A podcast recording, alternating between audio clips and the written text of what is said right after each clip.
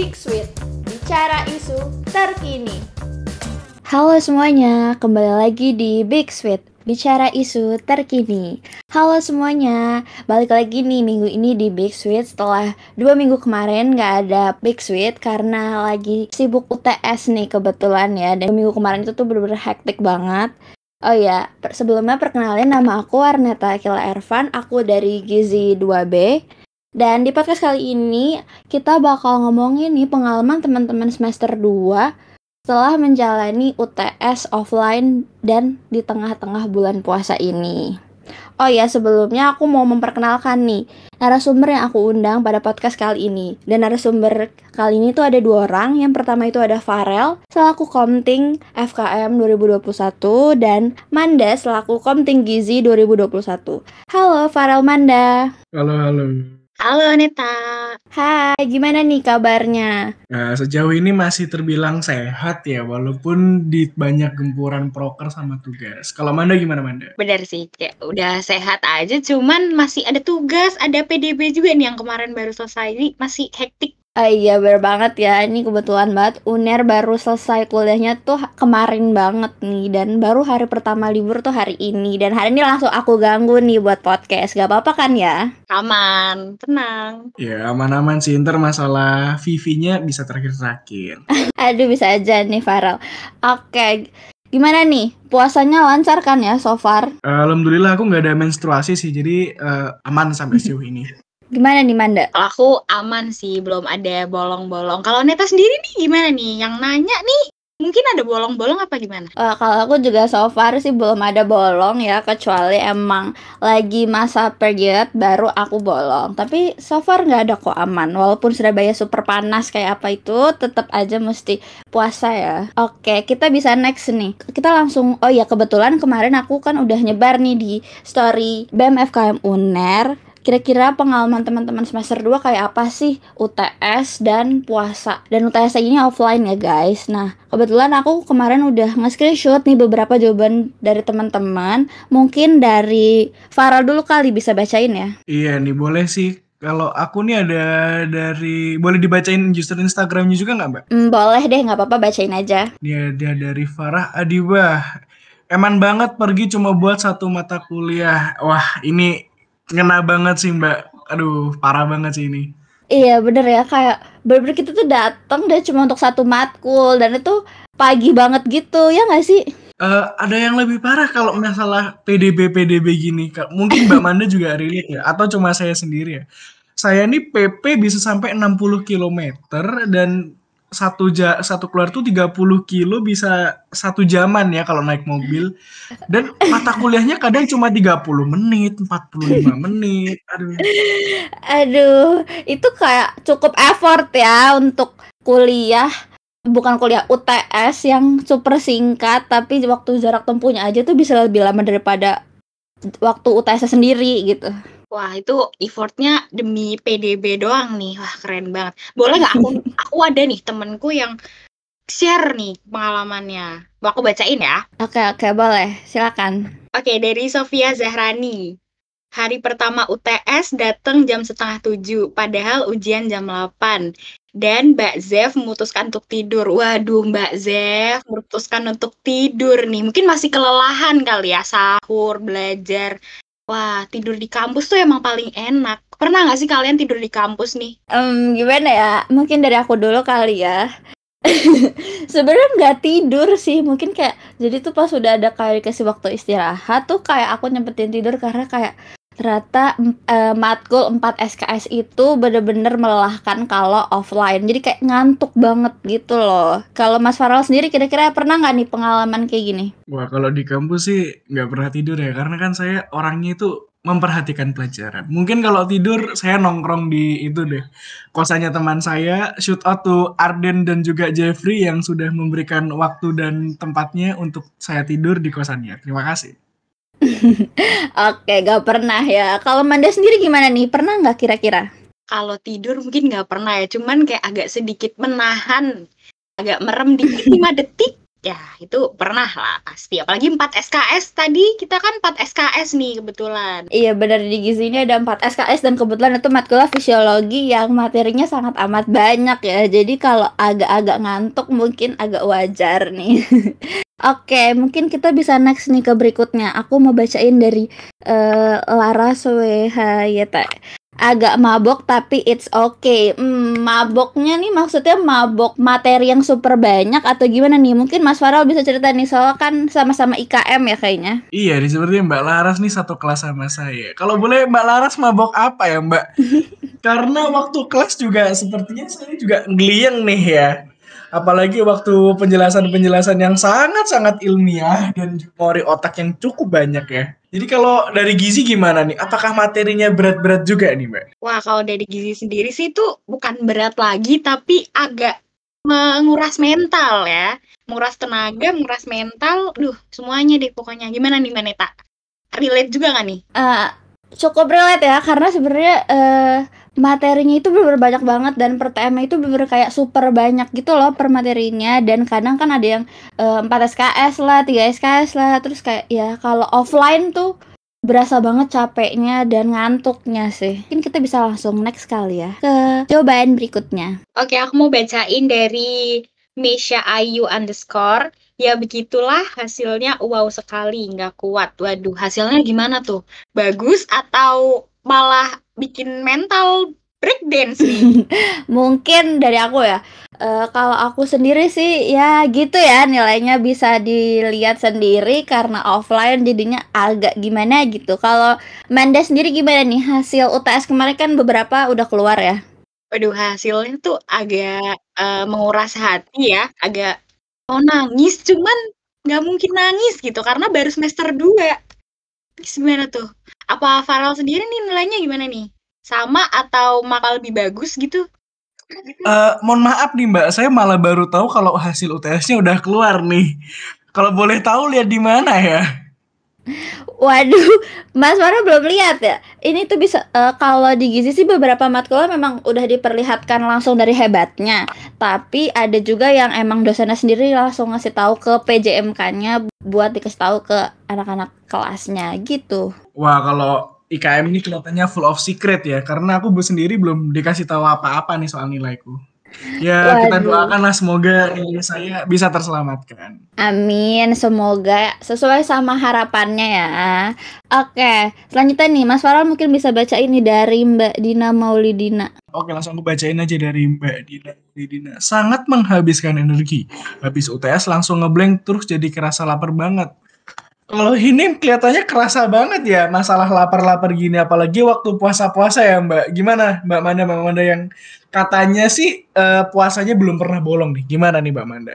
Wah itu kalau aku biasanya abis UTS nih aku uh, ngungsi gitu ke kosnya Neta nih kebetulan. Aku biasanya ngungsi sampai buka puasa jadi tidur sampai buka puasa di kos Neta. Terima kasih banget ya Neta udah menampung aku nih. Gak usah sungkan ya Bapak, karena kan kebetulan dari semua teman-teman aku nih, kebetulan kos aku yang paling dekat ya ke kampus. Jadi pasti rata-rata setiap kali abis UTS itu semuanya ke kos aku, terus kayak pada numpang tidur sampai nunggu jam buka. Kalau Mas Farel nih gimana ceritanya nih? Uh, kalau aku sih ya tetap berusaha untuk melawan rasa lapar dan juga rasa ingin mokel ya bahasanya ya Cuma ya ditahan aja lah. Biasanya kalau ngabuburit-ngabuburit ya main Valorant sama teman-teman saya kayak Nico, Arden, Kenas atau dan yang lain-lain gitu. Oke, seru banget ya. Jadi bareng teman-temannya walaupun mungkin ada beberapa teman-teman yang nggak puasa tapi Mas Farah tetap berpegang teguh buat nggak mokel. Oke, kita bisa next nih ke jawaban selanjutnya. Mungkin aku yang bacain ya dari Elisa nih. Seru sih, tapi rada keseliut gitu, Besti. keseliut tuh apa ya? Iya nih, keseliut tuh bahasa dari mana nih? Mungkin bahasa tersendiri dari Elisa gitu ya. Mungkin kita bisa tanya ini sama Elisa abis ini nih. Keseliut tuh apa tuh? Iya boleh nih langsung nih. Mungkin podcast selanjutnya langsung diundang aja Mbak Elisa ini. Keseliut nih gimana? Bahasanya soalnya apa ya? Keseliut juga belum pernah denger sih. Iya nih sama, saya juga nggak pernah dengar nih kira-kira. Oke nih kita langsung bacain selanjutnya aja kali ya, mungkin dari Manda bisa dibacain nih. Oke, tadi kan ngomongin mokel nih. Ini ada satu nih yang kocak menurutku. Dari Rarazel. Pulang UTS terus diajakin Mine mokel, tapi nggak jadi soalnya imanku kuat. Wah, keren banget Mbak Rarazel. Ini imannya udah kuat banget nih. Keren, keren, keren. Tepuk tangan gak sih Mbak? Tepuk tangan sih. Ayo kita tepuk tangan. Oke, dapat applause nih Mbak Rara dari kita semua karena udah bisa menahan iman mokel lah walaupun temennya udah ngajakin ya. Mungkin untuk Mbak Mini nih kalau mau ngajakin jangan ngajakin Mbak Rara ya, ngajakin yang lain gitu, yang imannya nggak kuat gitu. Salah ngajak nih. Waduh, kok malah dihasut-hasut seperti ini ya. Tapi kalau kita ngomongin masalah mokel nih Mbak, eh menurut Mbak Neta sendiri gimana sih mokel itu? Oke, sebenarnya ya kalau menurut agama sih tentu aja nggak boleh ya. Cuman kadang godaan di depan mata. Terus juga kayak apa ya? Mungkin Surabaya tuh panas banget deh jujur. Uh, mungkin aku di Jakarta juga panas banget ya. Tapi di Surabaya itu bener kayak panasnya tuh dua kali lipat. Jadi mungkin aku kadang mewajarkan ngeliat teman-teman aku yang suka mokel kalau di Surabaya. Kalau Manda sendiri gimana nih? Wah, kalau mokel nih tidak boleh ya karena itu termasuk perbuatan dosa. Alhamdulillah saya tuh kuat iman seperti Mbak Rarazel nih. Diajakin mokel kayak ah tidak, terima kasih gitu. Mungkin lebih ke tidur ya. Kan ibadah tuh tidur tuh. Jadi kita beribadah aja gitu di bulan puasa. Siang-siang Surabaya matahari ada lima. Iya setuju nih. Masalah tidur-tidur nih. Lebih baik tidur daripada mokel ya ayuhal teman-teman saya. Tolong didengarkan. Lebih baik tidur. Jangan mokel. Oke, kita bisa next nih. Selanjutnya ada dari Mbak Yasmin. Takut sama hasilnya soalnya deg-degannya kerasa banget diliatin pengawas waktu ngerjain. Harus belajar lebih ekstra juga soalnya offline. Waduh iya sih bener banget. Kalau sepengalaman aku emang bener-bener harus belajar dan ngafalin semua materinya apalagi materinya banyak dan jangan lupa dicicil sih kalau buat anak gizi kalau Farel sendiri gimana? Ya, saya belum pernah deg-degan sih diliatin sama pengawasnya. Uh, mungkin ya bisa Mbak Manda nih Kan sama-sama satu jurusan ya kelihatannya sama Mbak Yasmin ini. Waduh, deg-degan pasti ya. Apalagi kebetulan nih aku di kelas. Pengawasnya waktu fisiologi ada tiga, satu ruangan gitu. Jadi gimana nggak deg-degan? Cuman nengok sedikit aja langsung disamperin gitu. Jadi kayak, aduh deg-degan banget deh. Berarti hasilnya murni ya mbak buat hasil UTS kali ini nih. Karena kan pengawasnya banyak, bener-bener nggak bisa ngapa-ngapain. Murni banget udah. Iya Mbak Manda nih, kayak kelas kalian diawasin. Setahu saya waktu UTS kelas saya tidak ada pengawasnya atau mungkin pengawasnya cuma datang ngasih absen dan selesai gitu ya. Loh, emang Kalau sepertinya gizi lebih keras ya. Waduh ini kayaknya kayaknya pengawasnya harus dikasih ke anak IKM nih ya. Kayak kebanyakan di pengawas di kelas aku. Wah, tidak perlu, Mbak, tidak perlu. Uh, silakan dinikmati sendiri saja. Konsumsi konsumsi jurusan lah, konsumsi jurusan. Aku baru tahu malah ternyata IKM itu nggak ada pengawasnya ya. Uh, sebenarnya ada, Mbak. Cuma tidak seperti yang ketat diceritakan sama Mbak Manda sama Mbak Aneta tadi yang ada tiga, diliatin mulu. Cuma uh, eh, IKM tuh ada pengawasnya, cuma tidak terlalu diawasi ya. Mungkin ini untuk evaluasi ke depannya. Oke, ini mungkin buat bahan evaluasi FKM ya. Kalau selanjutnya mungkin IKM bisa lebih ketat nih. Kalau enggak bisa aja ada yang curang nih. Oke, bisa dilanjut nih. Mungkin Mas Farel bisa bacain yang selanjutnya nih. Ini ada dari akun Febis Notes. Oke, keren-keren. Haus di kelas. Uh, iya, iya, iya benar sih haus di kelas dan juga lapar di kelas.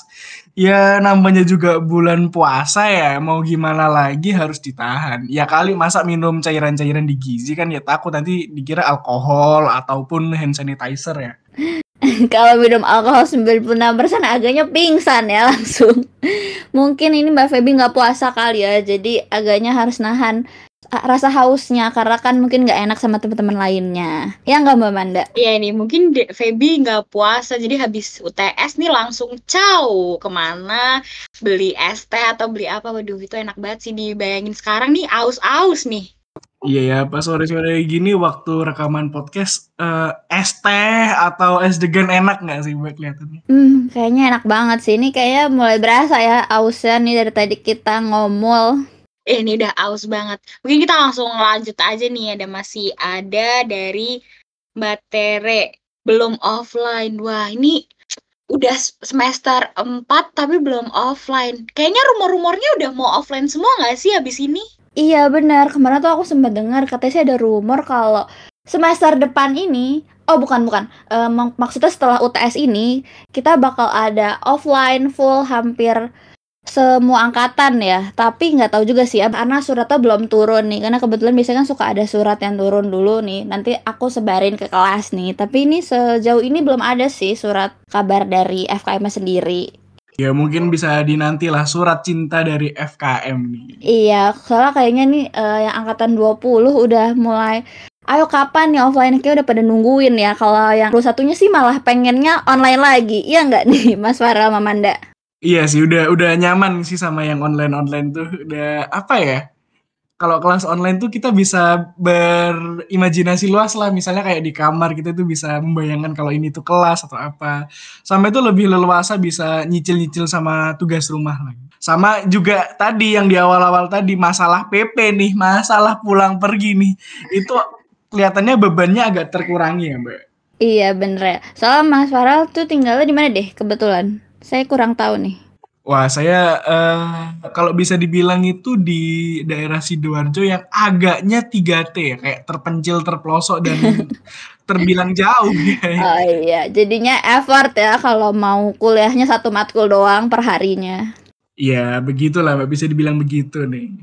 Kalau Manda gimana nih kira-kira? Wah, kalau offline sama angkatan-angkatan atas mungkin seru ya. Kita bisa lebih kenal gitu sama kating-kating, bisa lebih deket juga kan antar mahasiswa, antar angkatan juga. Mungkin lebih seru nggak sih? Kita bisa nongki bareng mungkin. Iya ya, setuju setuju. Jadinya kita kayak bisa lebih deket lagi nih, kayak oh ini nih Mbak ini, oh ini nih Mas ini. Jadi kayak ya kita beneran kenalan, nggak cuma lewat online aja. Dan menurut aku sih itu jauh lebih seru ya kalau misalkan emang niatnya mau offline full semua angkatan. Oke, mungkin dari kita segitu aja ya. Makasih ya buat Mas Farel sama Mbak Manda nih udah nemenin aku podcast Big Sweet kali ini. Iya, terima sama-sama Arneta. Terima kasih juga. Iya, terima kasih juga Arneta, terima kasih juga Manda.